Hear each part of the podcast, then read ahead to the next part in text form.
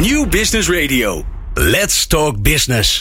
Met nu People Power. People Power is een programma over de kracht van mensen in organisaties. Met interviews en laatste inzichten voor betere prestaties en gelukkige mensen.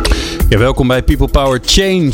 Het is weer uh, tijd voor mijn uh, maandelijkse programma samen met Jeroen Buescher, waarin wij gezamenlijk op zoek gaan naar mensen, change agents, die organisaties helpen om beter, sneller, mooier, gelukkiger duurzamer, nou enzovoort. Als er maar R achter staat, dan, uh, dan komt dat meestal wel goed. Um, ja, dat valt niet mee. Veranderen in de organisatie. Het is niet voor niks dat daar boeken over vol worden geschreven. En zo ook uh, ja, uh, door Jeroen zelf overigens. Die, die doet er ook blij aan mee. Um, en vandaag hebben we weer een mooie uitzending voor je. Met, een, ja, met, met ook weer een change agent. En Jeroen die gaat je vertellen wie dat is. People Power. Inspirerende gesprekken over de kracht van mensen in organisaties. Met Jeroen Buescher. Ja, welkom bij People Power Change. En wat geweldig dat jij weer luistert. Ik vraag me wel eens af, zijn wij nou zo goed of heeft u zo weinig te doen, luisteraar? In deze aflevering gaan we in gesprek met Rosanne Gompers van New Company Creations. Organisaties voelen voortdurend de druk om te blijven vernieuwen. Onze gast van vandaag helpt haar klanten in die vernieuwing. Daarbij zoomen we in op een heel specifiek aspect van het werk: het creëren van een fysieke omgeving, zeg maar een gebouw, dat ondersteunt in de gewenste verandering. Ons gedrag wordt immers voor een flink gedeelte bepaald door onze context. De fysieke context speelt daar een grote rol in. Maar hoe ontwikkel je nou een ruimte? Zo dat die aanzet tot bepaald gedrag. We gaan onderzoeken hoe Rosanne dat aanpakt als change agent. Rosanne, welkom. Hi Jeroen, dank je. Hallo. Glenn, hi. Nou, de vraag waar ik elke programma altijd weer mee begint is... Wat heb jij nodig om te veranderen? Verleiding. Nou, um, ja, toe. wat ik nodig heb om te veranderen, of om mezelf te veranderen, is... Uh, ja, visueel. Ik ben visueel ingesteld, dus ik moet het voor me zien. Wat het doel is van de verandering. Um, en ik moet ook in de gelegenheid worden gesteld. Ik ben zelf ondernemer, dus dat kan ik lekker zelf bepalen. Om ook aan de slag te gaan. Dus een resultaat te zien, kleine stappen te zetten. En vooral ook dingen zelf uitvinden. Zodat je trots bent op wat je doet, een stap vooruit zet. Um, en uh, nou, dat zijn denk ik echt de twee belangrijkste dingen. Dus ik moet het einddoel voor me zien. En kleine stappen met resultaat. En, en hoe kom jij voor jezelf, als jij zelf uh, in die verandering steekt? Hoe, hoe doemt dat eindbeeld dan bij jou op? Is dat een visioen? Is dat een droom? Um, nou, dat is eigenlijk wel vaak um, een, een, een succes wat ik voor me zie. Of iets wat ik aan mijn bedrijf wil toevoegen. Of een bepaalde setting waarin ik mezelf zie. Uh, maar dat kan ook zijn een, een uh, uh, succes voor een klant. Een, een mooi project. Um, en vanuit die, ja, vanuit die verbeelding kan ik ook mensen daarmee naartoe nemen. Maar zo motiveer ik mezelf eigenlijk ook. Oh, super interessant, want veel, veel gasten die we hier hebben gehad, die definiëren verandering vanuit onrust en ongenoegen. En jij je ziet hem dus ja. uiteindelijk als een positief visioen. Nou ja, je hebt pijn en plezier nodig, denk ik. Dus ja. plezier is zeg maar het toekomstbeeld, het, het perspectief, de vonk, de, dat wil ik ook. Dat, dat is denk ik wel heel vaak bij mij. En ja, ik denk dat je daar uiteindelijk naar op zoek gaat omdat je ergens ontevreden over bent. Of omdat je het beter wil of anders. Of gewoon iets heel leuks ziet waarvan je denkt van hé, hey, dat kan ik ook nog op de wagen laden. Nou, en wat doe je met al die dromen dan voor de kost? Wat is jouw rol in veranderingen? Um, nou, ik ben organisatieadviseur, organisatiesocioloog, um, zeg maar qua opleiding. Um, ik heb altijd gewerkt als organisatieadviseur. Ik heb heel veel klanten begeleid in uh, verandertrajecten die te maken hadden met beter samenwerken in ketens van partijen die dat met elkaar moeten doen en samen iets moois voor de klant moeten maken. Ik heb in die trajecten altijd veel gedaan met gedrag, cultuurverandering. Het lukt mij denk ik goed om mensen enthousiast ergens over te krijgen, omdat ik ook weer vanuit dat perspectief kan gaan vertellen. Of al voor me zie wat zij nog niet voor zich zien. En wat ik nu uh, steeds meer doe, en waar ik ontzettend blij mee ben, want ik vind het gewoon super leuk, is in die veranderingen uh, ook de fysieke context betrekken. Dus een gebouw, een omgeving, een fysieke plek. Um, waarmee eigenlijk de verandering die je voor ogen hebt, of dat nou innovaties of klantgericht werken of anders samenwerken, of nou, dus je kan er van alles op plakken, ook echt ja, zichtbaar en tastbaar wordt. Ja. En Nou, dat was ook precies waar ik het met je over wil hebben. Mooi. Dus eh, het is wel fijn als je gast zelf de bruggetjes doet. Ehm, wat, eh, de- er is, eh, eh, we hebben twaalf jaar geleden heeft een marketingbureau een nieuwe term uitgevonden. Die heet ineens het nieuwe werken. En dat eh, is vooral door, eh, met hard applaus door de architectenindustrie ont- eh, ontvangen. Want ineens gingen allerlei organisaties hele andere nieuwe hippe gebouwen neerzetten. Ehm, eh, geloof jij in dat dat, dat een, een gebouw wat, wat maakt dat mensen elkaar ontmoeten, niet meer in hun kamertje vastzitten, dat dat al cultuurverandering is? Eh, nou, ik denk dat dat niet genoeg is. Ik denk wel dat je echt heel veel kan veranderen door mensen in een andere fysieke omgeving te zetten. Ontstaat een totaal andere dynamiek. Ehm, maar, nou, je zei zelf al iets over het nieuwe werken als woord. Het is ook een beetje een beladen term. Waarom? Omdat er, denk ik, rondom dat pand tot nu toe of vaak te weinig is nagedacht over waarom dan? Wat willen we daar dan mee? Hoe dan? En ook inzoomend op je publiek. Hoe werken onze mensen? Wie zijn onze mensen? Wat hebben ze nodig? En dan krijg je dus gebouwen die inderdaad of vanuit een architect zijn bedacht. Die te weinig gevoel heeft. Ik zal, dat zal niet in alle gevallen zo zijn. Maar te weinig afstaat van de dagelijkse context van die mensen. Of, wat je natuurlijk ook heel vaak hebt gezien, dat echt, nou, dat is mooi. Dat is vierkante meters besparen, flexfactor 0,7. Dus eh, hè, op elke 100 mensen hebben we maar 70 werkplekken nodig. Ehm, ja, dat zijn gewoon de verkeerde drijfveren. Dus het zou veel meer gekoppeld eh, moeten zijn. En dat doen we gelukkig ook, kunnen we vaak ook doen met onze klanten vanuit innovatie, visie, strategie. En hoe ga je dan dat gebouw eigenlijk, die fysieke ruimte als middel inzetten om ja, ook weer mensen te verleiden eigenlijk tot gewenst gedrag. En, en als je, de- eh, het nieuwe werken was natuurlijk een enorme hype een tijdje. Hè? Overal zag je ineens Ja. dat eh, naar voren komen. Er werd zelfs mee geadverteerd in, in vacatureteksten. Wij doen aan het nieuwe werken, kom bij ons.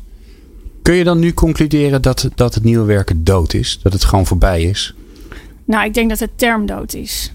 Uh, ik gebruik mezelf ook niet meer zo heel veel in, in marketing, maar soms gebruiken klanten het wel. Wat, waar denk ik om gaat, is het vraagstuk daarachter. Van hoe innoveer je je systeem? En uh, ik denk dat er heel veel organisaties bezig zijn geweest met dat een beetje te doen. En ze komen er nu achter dat ze ingehaald worden door concurrenten met nieuwe, slimmere business- en verdienmodellen, dat ze nog niet genoeg geïnnoveerd hebben. Dus gaan ze ook opnieuw kijken eigenlijk naar hun interne organisatie. En er zijn ook gewoon uh, budgetten heel lang bewaard, zeg maar. Uh, die nu weer vrijkomen, waardoor echt panden die nou ja, niet meer kunnen, waar mensen nog in donkere kamertjes met z'n tweeën zitten, dat men nu denkt van ja, nee, daar moeten we nu wat aan gaan doen. En dan worden er echt wel, ja, er wordt echt wel intelligenter over nagedacht. Dus ik denk wel uh, dat er veel groepen zijn en ook de klanten zelf die geleerd hebben van de slechte verhalen over het nieuwe werken zonder visie en concept. Jij zegt dat, dat uh, uh, fysieke context. Um, um, dat die impact heeft op hoe mensen zich gedragen. Oh. Um, kan, kan, je dat, kan je dat voor mij visualiseren? Hoe, hoe, hoe denk je daarover na? Als ik nou bijvoorbeeld wil, mijn mensen zitten te veel in die, in die, in die uh, kamertjes. En dat, ik snap wel dat ik nu de slechte opdrachtgever speel. Mm. En, en, maar hoe ga ik er nou door middel van een gebouw voor zorgen dat ze, dat ze bijvoorbeeld uh, vernieuwender worden? Hoe werkt dat psychologisch dan of als socioloog? Um, nou, ik denk ten eerste misschien wel even heel goed om, om ook gewoon te erkennen dat deze verandering voor mensen, juist die mensen die heel veel in hun eigen kamertje hebben gezeten, maar dicht bij hun eigen droppot, uh, ontzettend spannend is. Ja. Dus dat moet je ook gewoon erkennen en zeker niet bagatelliseren. Daar begint het denk ik mee. Uh, je komt eigenlijk, heb ik gemerkt in heel veel projecten die wij hebben gedaan. Als het gaat om uh, ja, mensen en een fysieke context veranderen, dan kom je eigenlijk heel laag in de piramide van Maslow. Dus het gaat over veiligheid, angst. En heel veel mensen vinden het ook heel moeilijk om daar ja tegen te zeggen, omdat ze nog niet precies weten uh, wat ze daar dan voor terugkrijgen. Ja. Dus het begint denk ik heel. Nou, ja, wij doen denk ik een aantal dingen om mensen daar zeg maar mee. Ja, in het verhaal mee te nemen en in, in het concept wat we bedenken mee te nemen. Dat wat is één. Eén is gewoon naar hun luisteren, maar ook kijken van wat heb je nodig voor je werk. En dat verschilt zelfs per team. Een team van accountmanagers die altijd buiten de deur zijn, die komen op kantoor om hun collega's te ontmoeten. Die willen praten, reuring, ergens je laptop open kunnen klappen. Ehm, nou, die komen voor die dynamiek. En ook die sociale structuur. Ehm, een team van uh, controllers uh, of bijvoorbeeld HR. Ja, daar is veel meer privacygevoelige informatie. Uh, of die willen wat geconcentreerder werken. Dus wij kijken ook heel nadrukkelijk. Kijken we al van nou, hoe werkt nou een team? Wat is een dynamiek in een team en wat is daar een behoefte in? Ja, en het tweede, psychologisch. Ja, het begint natuurlijk, wat ik net eigenlijk ook al zei, met luisteren naar wat die, um, ja, wat, wat de zorgen daar ook zijn, daarin zijn. Ja. Dus, en dat ook erkennen.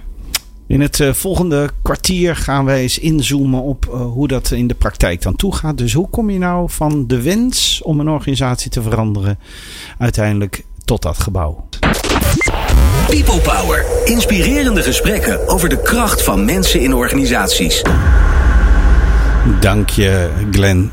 Glenn kondigt nog dvd's af. Die jongen leeft nog in de 20e eeuw. Rosanne, Um, laten we het spel eens doen, want ik wil het concreet hebben. Wat doe je dan precies? Ik ben een klant en um, wij uh, zijn een verzekeraar. En uh, wij. Uh, nee, nee, nee, laat maar niet. We, we zijn een bank en wij hebben veel te veel. zijn we met onze producten bezig geweest. En we moeten nu meer op de klant worden. En, en jij kan een gebouw maken voor mij dat ze veel klantgerichter worden. Heb ik begrepen. Doe eens even. Waar begin je? Um waar beginnen? Nou, misschien is het wel goed om even te zeggen wat we doen. En dan ga ik even inzoomen hoe. Uh, dat dat in ieder geval duidelijk is. Wij ontwikkelen dus een werkconcept en een programma van eisen vanuit de strategie en visie van die klant. In dit geval uh, hebben we het aan de hand gehad met een bank. Verbindend werken was de vraag. Hoe kunnen we verbindend werken? Uh, uh, mijn collega um, uh, ontwerpt vervolgens het nieuwe kantoor aan de hand van het programma van eisen. En ik ga dan aan de hand ja, met teams in co-creatie eigenlijk die verandering verder vormgeven. Dus het begint bij die strategie? Het begint met die strategie. een van de dingen die denk ik heel erg belangrijk is, is dat we dus ook bij die. We beginnen met visie en conceptontwikkeling. En dan is het dus heel erg belangrijk dat de juiste mensen aan tafel zitten. Dus niet dat je denkt gebouw we gaan met facilitair praten. Nee, ik wil met de marketeers praten. Ik wil met de directie. Ik wil met HR. Ik wil eigenlijk al die partijen om, om de tafel. Waarom? Ik wil, uh, nou, omdat daar de kan, in, in het veranderen van een gebouw zit zoveel kansen voor een bedrijf. He, je kunt laten zien uh, uh, hoe toegankelijk je bent uh, voor je klant. Je kunt zelfs werkplekken bieden aan je klanten. Maar je kunt ook die transparantie en openheid laten zien die je bijvoorbeeld wil. Nou, wat een bank dan bijvoorbeeld steeds meer wil. Of hoe je letterlijk mensen die elkaar nooit tegenkomen omdat ze jarenlang op hun eigen verdieping zaten, dat die elkaar tegenkomen. Maar het is heel erg belangrijk dat al die mensen en al die, nou ja, zeg maar domeinen zich verbinden aan die visie. Dus je, je moet eigenlijk begrijpen welke aspiraties de organisatie heeft, hoe ze met elkaar en met anderen willen omgaan. Maar dan niet alleen maar vanuit het kokertje van de directie of vanuit HR of vanuit faciliterend dienst. Maar alle mensen die een rol spelen in die organisatie.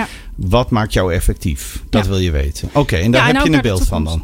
Ja, ja en, en, en hoe gaan we dat ontwikkelen? Dat begrijp ik. En dan heb je dat beeld. Dan hebben we een beeld. Dit willen we als organisatie zijn en dit willen we worden met z'n allen. En dan? Um, dan, overigens, die, die, uh, die, die sessies doen wij heel vaak met een groep van ambassadeurs. Hè. Dus die mensen worden onmiddellijk ook meteen de ambassadeurs van het ontwikkelen van dat nieuwe gebouw. Ik neem aan dat je niet de ambassadeur van Indonesië bedoelt. Maar... Nee, dus die directie marketing HR, die groep, ja? die blijven eigenlijk. Die, ik vind het heel erg belangrijk dat die bij het hele traject betrokken blijven. Dus de volgende stap is. En waarom noem je ze ambassadeurs? Um, omdat ik eigenlijk van ze verwacht dat als ze enthousiast zijn en, en er, ergens ja tegen zeggen, dat ze dat ook mee gaan uitdragen. En dat iemand van HR snapt dat je dat kan verbinden aan je arbeidsmarktcommunicatie of aan internal branding. Um, dat uh, de, de, de identiteit die wij terug laten komen in het gebouw, dat dat overeenkomt met uh, externe communicatie. Je wil dat de mensen in de organisatie zelf eigenaar worden van die verandering. Ja. Ja.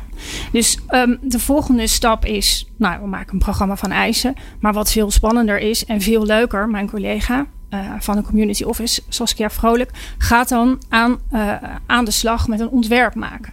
En dat ontwerp, dat vinden mensen meestal ook ontzettend leuke fase. Dat bestaat uit een aantal stappen: schetsontwerp, voorlopig ontwerp, soms meerdere voorlopige ontwerpen. Er komt toch even materialisatie bij. uh, definitief ontwerp. Ook dat zijn sessies die we met een groep van ambassadeurs um, zeg maar, ja, vormgeven. Dus, dus Astrid heet ze?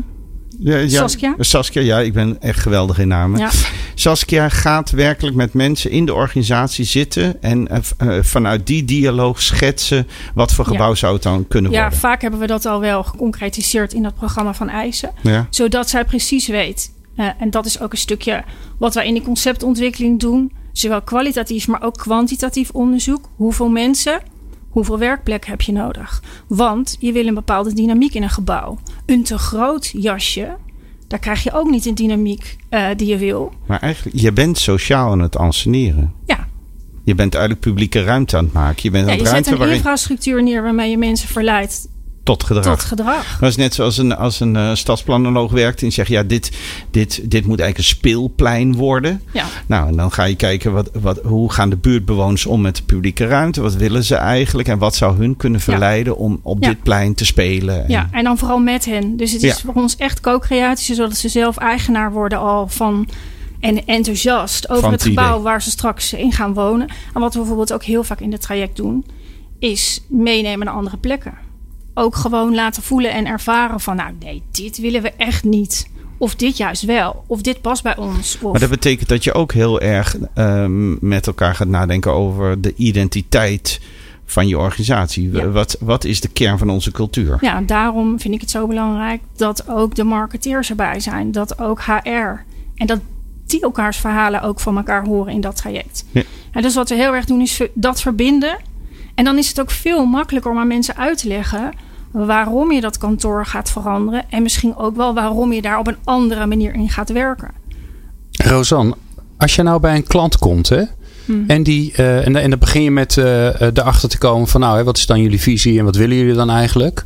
Ja. En de conclusie is, ze hebben dat gewoon niet voor elkaar. Dus ze, ze, hebben eigenlijk geen clue waar ze, wie ze zijn en waar ze van zijn. En wat doe je dan? Uh, nou, ik, ik vind het echt super belangrijk dat die doelen er wel komen. Dus dan kan ik aanbieden om ervoor te zorgen dat we met elkaar die doelen helder gaan krijgen. Want, nou ja, om maar even weer het nieuwe werken om het nieuwe werken. Of we gaan flexen, dat is niks. Dat, dat, dat leidt nergens toe. Ja, dan krijg je die verhalen van mensen die maar thuis gaan werken omdat ze ongelukkig zijn in hun werkomgeving. Ja. Dus ja, voor ons is het eigenlijk een randvoorwaarde om te starten. En uh, heel vaak komen mensen wel met een vraag over het kantoor. Het is, moet gemoderniseerd worden, et cetera, et cetera. Maar dan leggen we ze uit van, ja, weet je, die investering die je doet, daar kun je veel meer vruchten van plukken dan alleen die vierkante meters uh, uh, slimmer gebruiken. Um, ja, dus daar krijgen we ze eigenlijk meestal wel ja? Mee. En als, ik, als een klant dan zegt, ja, nee joh, ik wil gewoon, moet een beetje hippig. Gewoon leuk, beetje leuk. Ja, nou, Anders komen mensen niet meer bij ons werken als het niet hippig is. Ja, nou, dat, Wat zeg je dan? Uh, dat, dat is waar. Um, maar dan nog zullen we altijd proberen om voor hun er meer uit te halen dan dat. Um, want ja, er is dan toch altijd nog ergens een mevrouw uh, of meneer uh, van HR die dat ook moet weten te vertalen in arbeidsmarktcommunicatie of in andere uitingen die daar. dus ja, ik, ik vind hippig prima. ik vind dat wel leuk. maar nou ja, goed. We proberen er wel wat meer van te maken. En heel soms is het ook wel uh, bij een bestaande klant van ja, nu even geen heel groot verhaal. We, willen nu in die vleugel hetzelfde. Uh, we hebben weer een, een nieuw budget. We gaan door. Ja, dan is het gewoon een aanpassing van het kantoor. Dat moet natuurlijk ook kunnen. Dat betekent ook dat, dat uh, zeg maar, waar ik aan denk is dat als je het naar die fysieke context brengt, dan, uh, dan verander je de beïnvloedsgedrag. Maar er zijn natuurlijk veel meer elementen in de dagelijkse context die dat doen. Uh, zoals leiderschap, zoals de, de, de, de, het functiehuis, zoals dat opgebouwd is. Ja. Dat zal ongetwijfeld ook meespelen. daar gaan we na het volgende plaatje met elkaar over verder. Nieuw Business Radio. Non-stop lekkere muziek voor op het werk en inspirerende gesprekken. Uh, gedrag wordt denken we altijd bepaald door wie we in de spiegel zien. Maar in feite wordt ons gedrag voor een groot deel bepaald door onze context. En in mijn persoonlijke context is dat de fysieke context waar we het vandaag over hebben. Maar is ook de geestelijke, mentale context.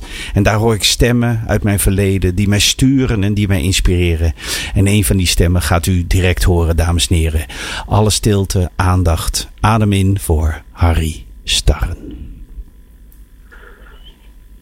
De titel van mijn uh, column Die uh, luidt: Nederland moet zich gedragen. En ik wil over die titel eerst iets zeggen. Wij zeuren nogal over Griekenland, maar de vraag is gewettigd: deugen wij eigenlijk zelf wel? En zijn we eigenlijk wel goed wijs? Ik vrees van niet. Het liefste houd ik filosofische columns waar ik mij van mijn zachte kant toon. Dat we oog moeten hebben voor talent, dat het beter kan in organisaties en dat veranderen eigenlijk vanzelf gaat. Met een kwinkslag hier en daar om het luchtig te houden, want vooral niet zwaar. Het leven is een feestje en iedereen is welkom. Met die gewoonte wil ik breken. Ik begin een beetje een hekel aan ons land te krijgen.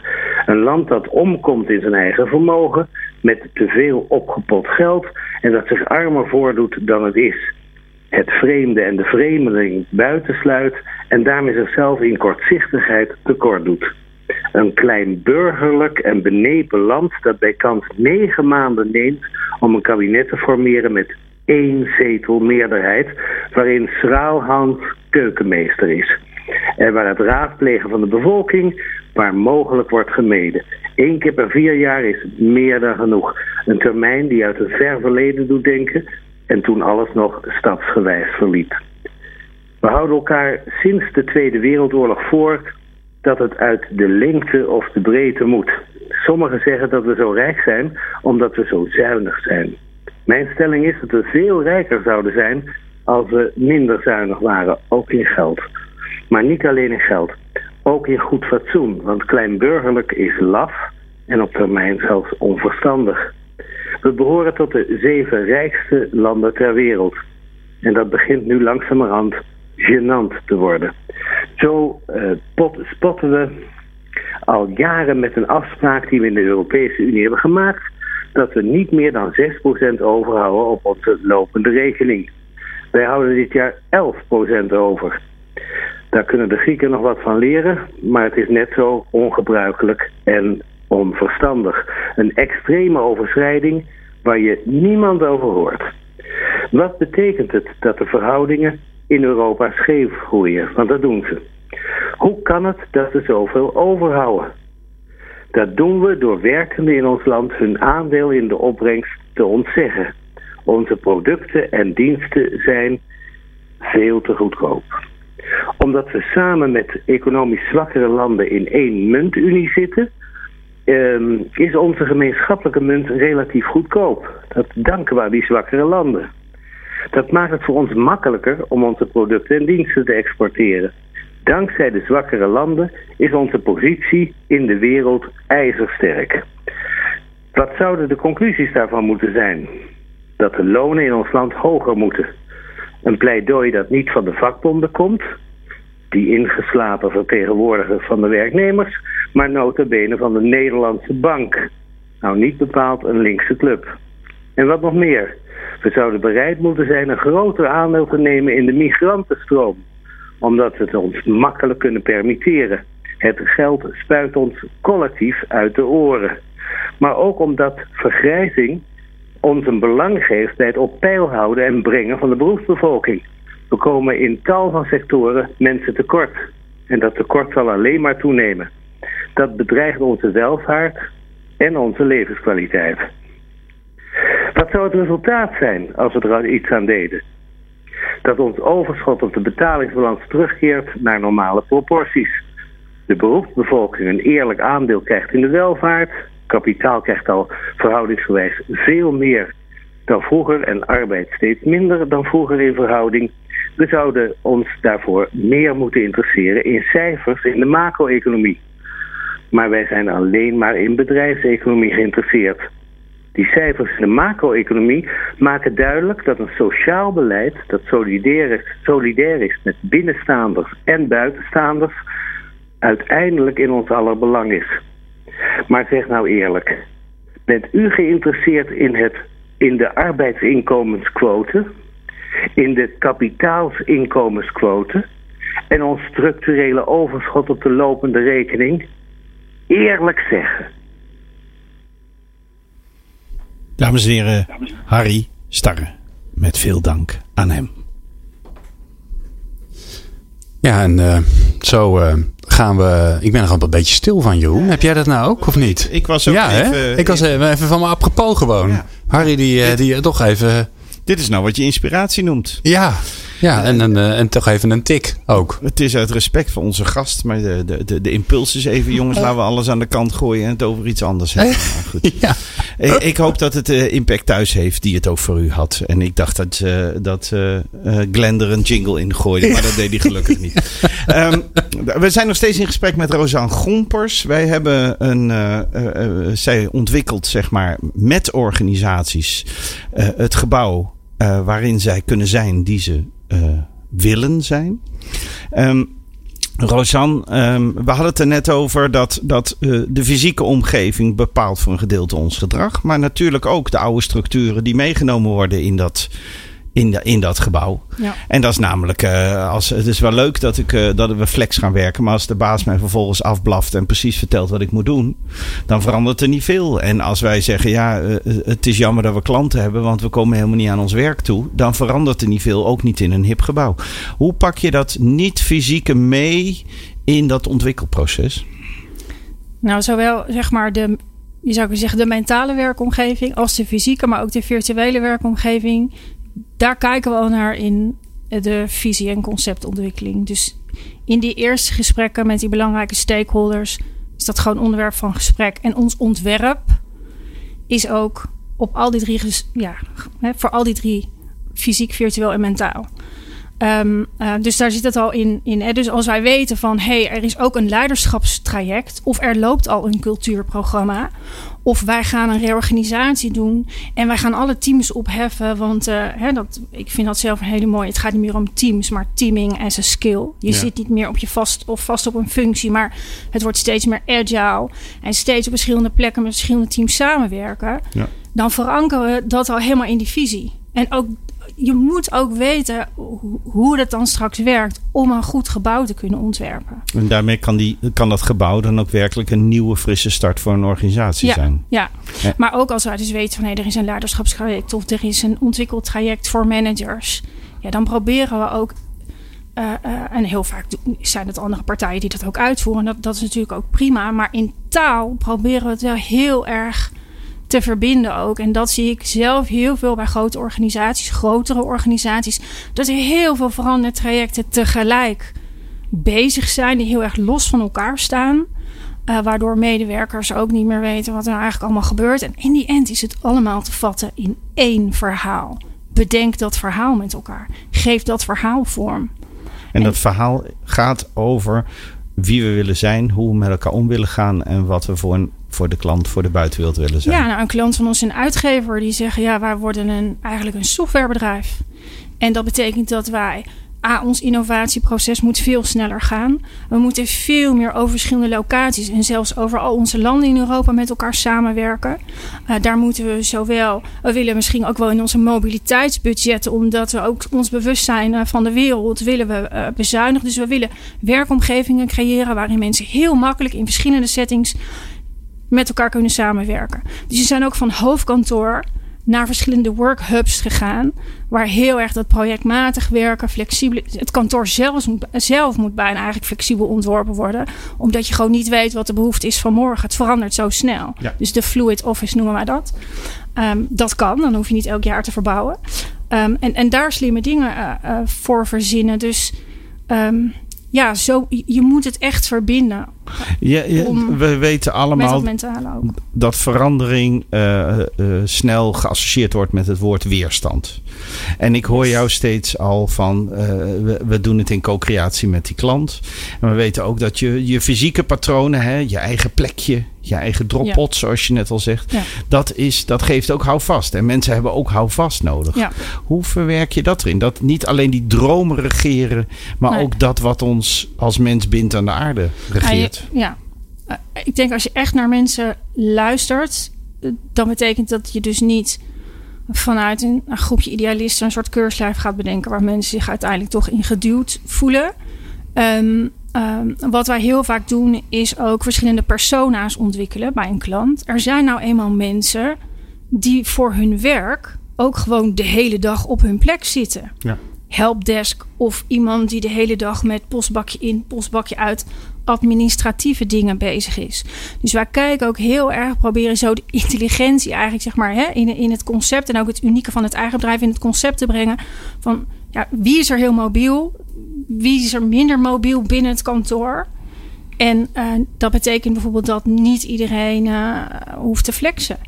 Of dat je toch instroomgebieden of zones krijgt waar je je directe collega's die je gewoon nodig hebt voor je werk elke dag ontmoet. Alleen je hoeft niet meer elke dag uh, aan datzelfde bureau te zitten. Maar er zijn veel leukere, spannendere werkplekken waar je ook gebruik van kan maken.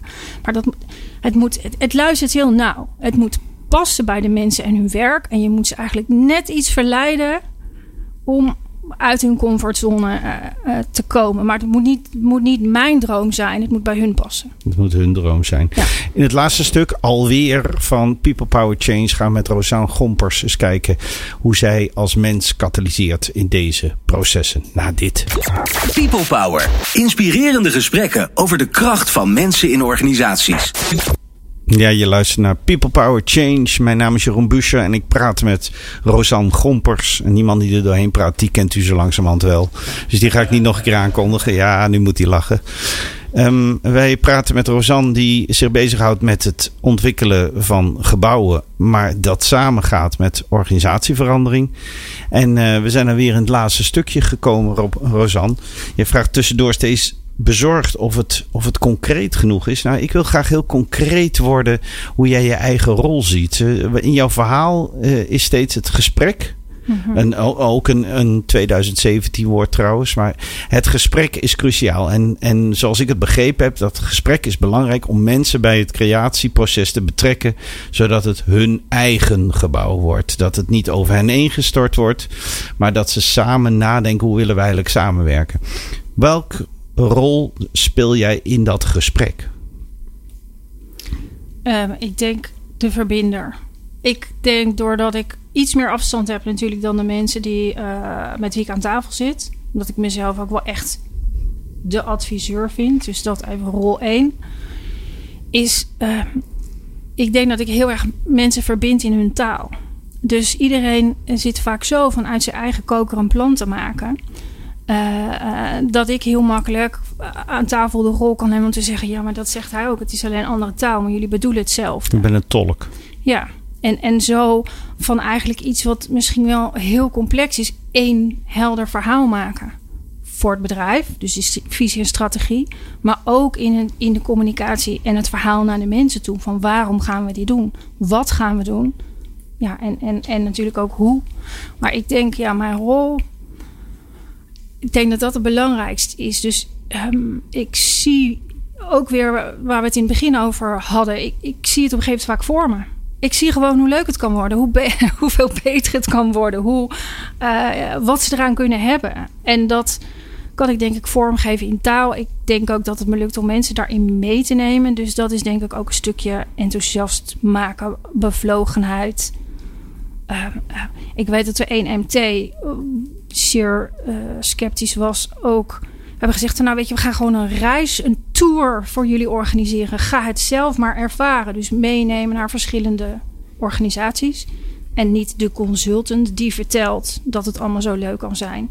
Maar gewoon de mensen zelf. En uh, dus ja, op die manier gewoon ja, kijken wat er nodig is. En ik heb een keer een klant gehad. Die ging over naar uh, plaats en tijd onafhankelijk werken. Ja. Hè? Dat is een eufemisme voor het nieuwe werken. Eufemisme mm -hmm. voor we slopen de wandjes.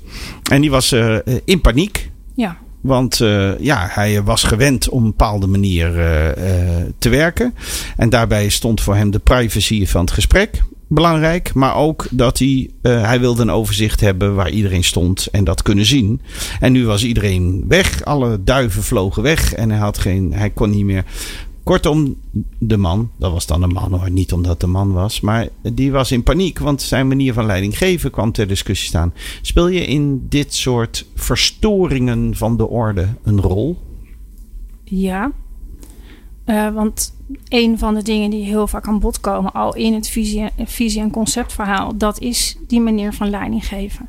Dus hoe willen we met elkaar omgaan? Hoe gaan we met elkaar werken? Um, wat is onze visie op naar thuiswerken? Um, waar je werkt. Daar, daar hebben we het gewoon allemaal met elkaar over voordat we het gaan maken, bouwen. En dat geeft heel vaak vorm in uh, nou, zo'n consultant woord misschien, maar leidende principes.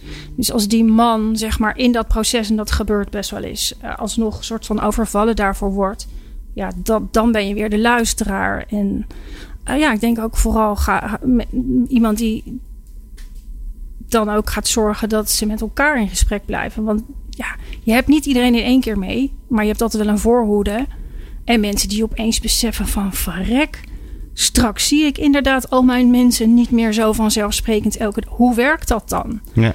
Um, ja, dus je rol is uh, bewust maken. Maar heel vaak als het kwartje later valt, uh, ja, luisteren. En. Maar ik kan me ook voorstellen dat, dat in zoiets ingrijpends... want eigenlijk is jouw boodschap, we maken geen nieuw gebouw.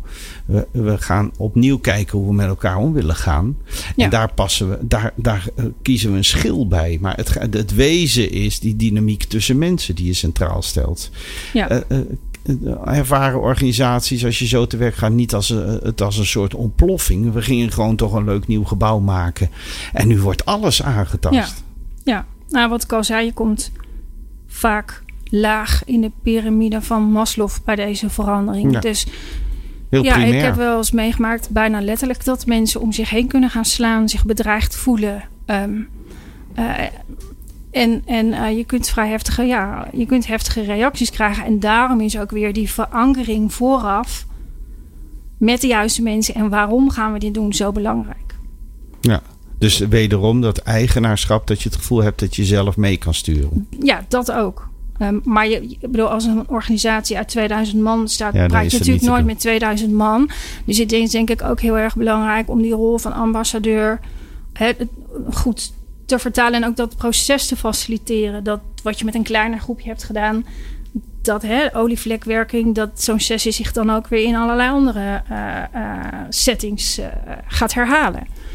Um, het is alsof je het steentje in het water gooit en hè, de, de kringen breiden zich uit. Dat proces moet je wel regisseren en faciliteren. Dus gedurende de bouw begeleiden we ook de verandering en dan doen we dat soort dingen. Leest allen het laatste boek van Jeroen Buescher, getiteld Aanstekelijk Veranderen. Dankjewel, Rosanne Grompers. Klem. Ja, dat is altijd handig natuurlijk om het boek van Jeroen te... Oh, was dat een uh, soort van sluikreclame of zo, Jeroen? Of niet Nee, voor niet- jou? niet nee, een soort van- Nee, het was redelijk gewoon, gewoon In recht de- voor zijn In raap. de face. Hey, Rosanne, wat mij lastig lijkt is dat... Nou ja, dat weet Jeroen ook, want die schrijft onder zoveel tijd weer een nieuw boek. Maar dat heb je ook zeg maar in de manier waarop organisaties Ja. eh, samengesteld worden. Hè? Je hebt een tijdje nieuwe werken gehad. Nu is alles en iedereen agile. En het, het nadeel, of tenminste het fysieke wat agile nodig hebt... is dat je met je team juist bij elkaar zit... in plaats van niet bij elkaar. Ja, ook een Hoe- vaak hoe- misbruikt argument overigens. Maar oh, dat zal best, ja. ja. Maar hoe ga jij met dat soort ja, eh, golfbewegingen op... in de, ja, wat, wat erin is aan, aan de manier van werken... en de, ja, welk boek er nou toevallig Ja. in is? Nou ja, ik, ik- ik denk dat ik. Ik vind het heel leuk om mezelf te voeden met wat erin is. Dus ik reis heel veel. Ik kijk heel veel wat er allemaal in de wereld op het gebied van de toekomst van werken aan de hand is. Coworking spaces die in opkomst komen. Corporate coworking. Het hoeft allemaal niet meer binnen dat ene gebouw zich af te spelen. Daar hebben we het niet over gehad. Maar er gebeurt zoveel in veranderen van de toekomst van werk. Nou, wilde ik het nog over hebben Oké, hoor. dus komt nog goed. Ja, heel goed. En ehm, ehm, ja, daarnaast denk ik van... eh, jij zegt van ja, eh, ik, ik verkoop niet een trend. Ik help een klant met een vraagstuk. En dat ik toevallig weet, dat mag die klant ook van mij verwachten. Eh, wat werkt en wat niet werkt. En wat trends zijn. En wat je vooral niet moet willen. En waar je misschien ook eens over na kan denken. Ja, dat is mijn rol om dat naar die klant te brengen. Maar de klant hoeft geen trend te of iets hips te implementeren. Die, die- ja, je moet gewoon kijken van waar staat die klant en hoe kan je die klant een stap verder helpen. En voor de ene klant is dat een gebouw wat bestaat uit allemaal kamertjes en heel veel eigen droppotten eh, naar een volgende stap brengen.